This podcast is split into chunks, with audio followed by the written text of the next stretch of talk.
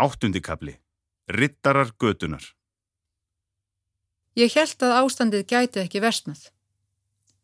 Fjórum dögum eftir áramót er ég enn dormandi upp í rúmi rétt fyrir hátegi. Við hjónin erum á leið í jarðaför svo ég þarf nú að fara að koma mér á fætur. Óli er nýri stofa að mála og hann finnst gott að hafa eitthvað fyrir stafni í sinni vanlíðan. Ég rumska við síman. Bróður minn kemur sér beint að efninu. Er þið búin að sjá DFF? Veraldun hreinur yfir okkur enn einu sinni. Ég er hægt að hafa tölu á áföllunum og dögunum sem ég vil ekki taka þátt í lífinu lengur. Þingkald var lokað og dómurinn mun byrtast á netinu á nafna. Samt sem áður er DFF komið með hálfsíðu frétt í bladið með fullu nafni á mynd af eiginmanni mínum. Dómurinn er enn ekki komin á VF domstóla og augljóst að honum hefur verið lekið til blaðsins á samt nafni og gögnum frá síslumanni. Dómurinn er nafnlaus og réttarhald lokað til varnar barninu. Hver í ósköpunum getur séð sér hag í að gera þetta mál ofinbært. Það eru ekki margir sem koma til greina. Parið sem réðist inn til okkar likur svo sannarlega undir grun. Ef ekki þau, þá lögmaður þeirra eða dómarinn. Aðrir hafa ekki aðgang að domnum með nöfnum eða skjölum frá síslumanni. Síminn ringir látlust.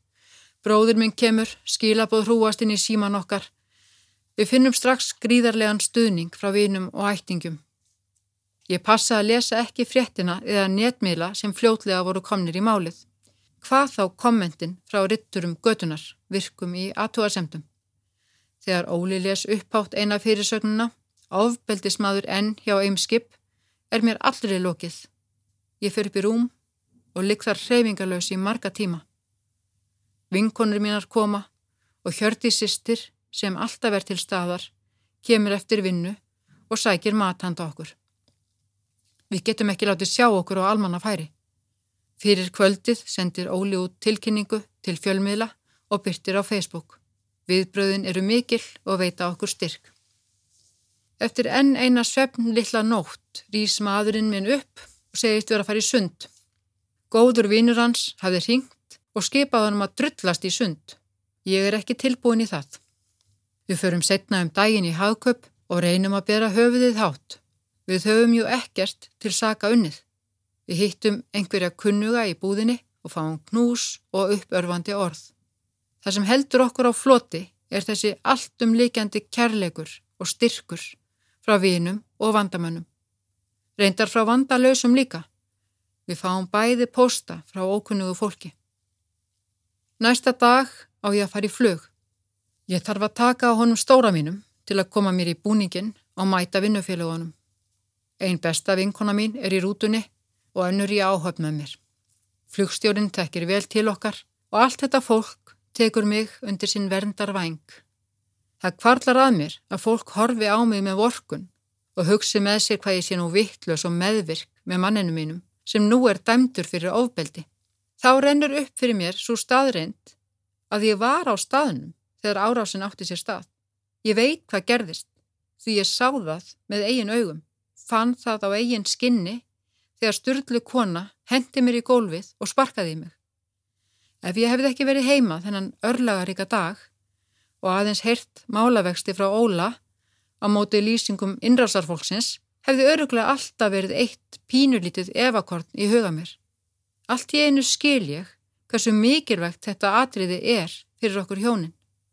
Við stöndum saman eins og einn maður, enda uppliðum við árásuna saman og á sama hátt. Ég fer í annað flug næsta dag og kýsa ræða málið að fyrrabræði við þá sem ég hitti. Á heimleið frá Keflavík gefa margir samstarfsfélagar sig að mér og veita stuðning. Ég er enn í rútunni á Reykjanesbrötinni þegar Óli ringir og segir að það hafi borist bref frá lögmanni Aleksandru og Davids til lögmanna okkar. Þar er því líst að við Ólafur höfum verið að áreita brotaþóla og fjölskyldu hennar. Áreitnin á að hafa falist í því að ég ringdi í geðshræringu í móður Aleksandru daginn sem dómurinn var hveðin upp. Hætti þó strax við og lagði á áður en hún svaraði. Síðan ringdi ég í tengdamóður mína. Það lýsir henni bara best að hún létt Aleksandru og Davíð vita af því símtali og hún er greinilega talin til fjölskyldu þeirra en ekki sonar síns og tengdadóttur. Einnig hafði bróðir minn, sem er gammal félagi Davíðs, sendt honum skilaboð mörgum vikum fyrr þar sem hann sagðist ekki geta fyrirgefið honum hvernig hann hefði komið fram við sýstur hans. Í brefinu lýsir lögmaðurinn óta Aleksandru og Davíðs við okkur. Við varum augljóslega ekki í jafnvægi eftir að máli lagi blöðin. Ég viðurkenni að ég var alls ekki í jafnvægi daginn sem dómurinn var hveðin upp og ég ringdi þessi símtöl. En það var meir en halvu mánuði áður en djefa fjallaði um málið. Ekki veit ég hvernig parið og lögmaður þeirra þóttust hafa fregnað af andlegu ástandi okkar á þessum tímapunkti. Í lok brefsins er tilkynnt að lögreglu hafi verið gert við vart um ótað þeirra við okkur. Lögminn okkar svöruðu að sjálfsögðu og töldu það mun alvarleira mál af að leki domnum í blöðin.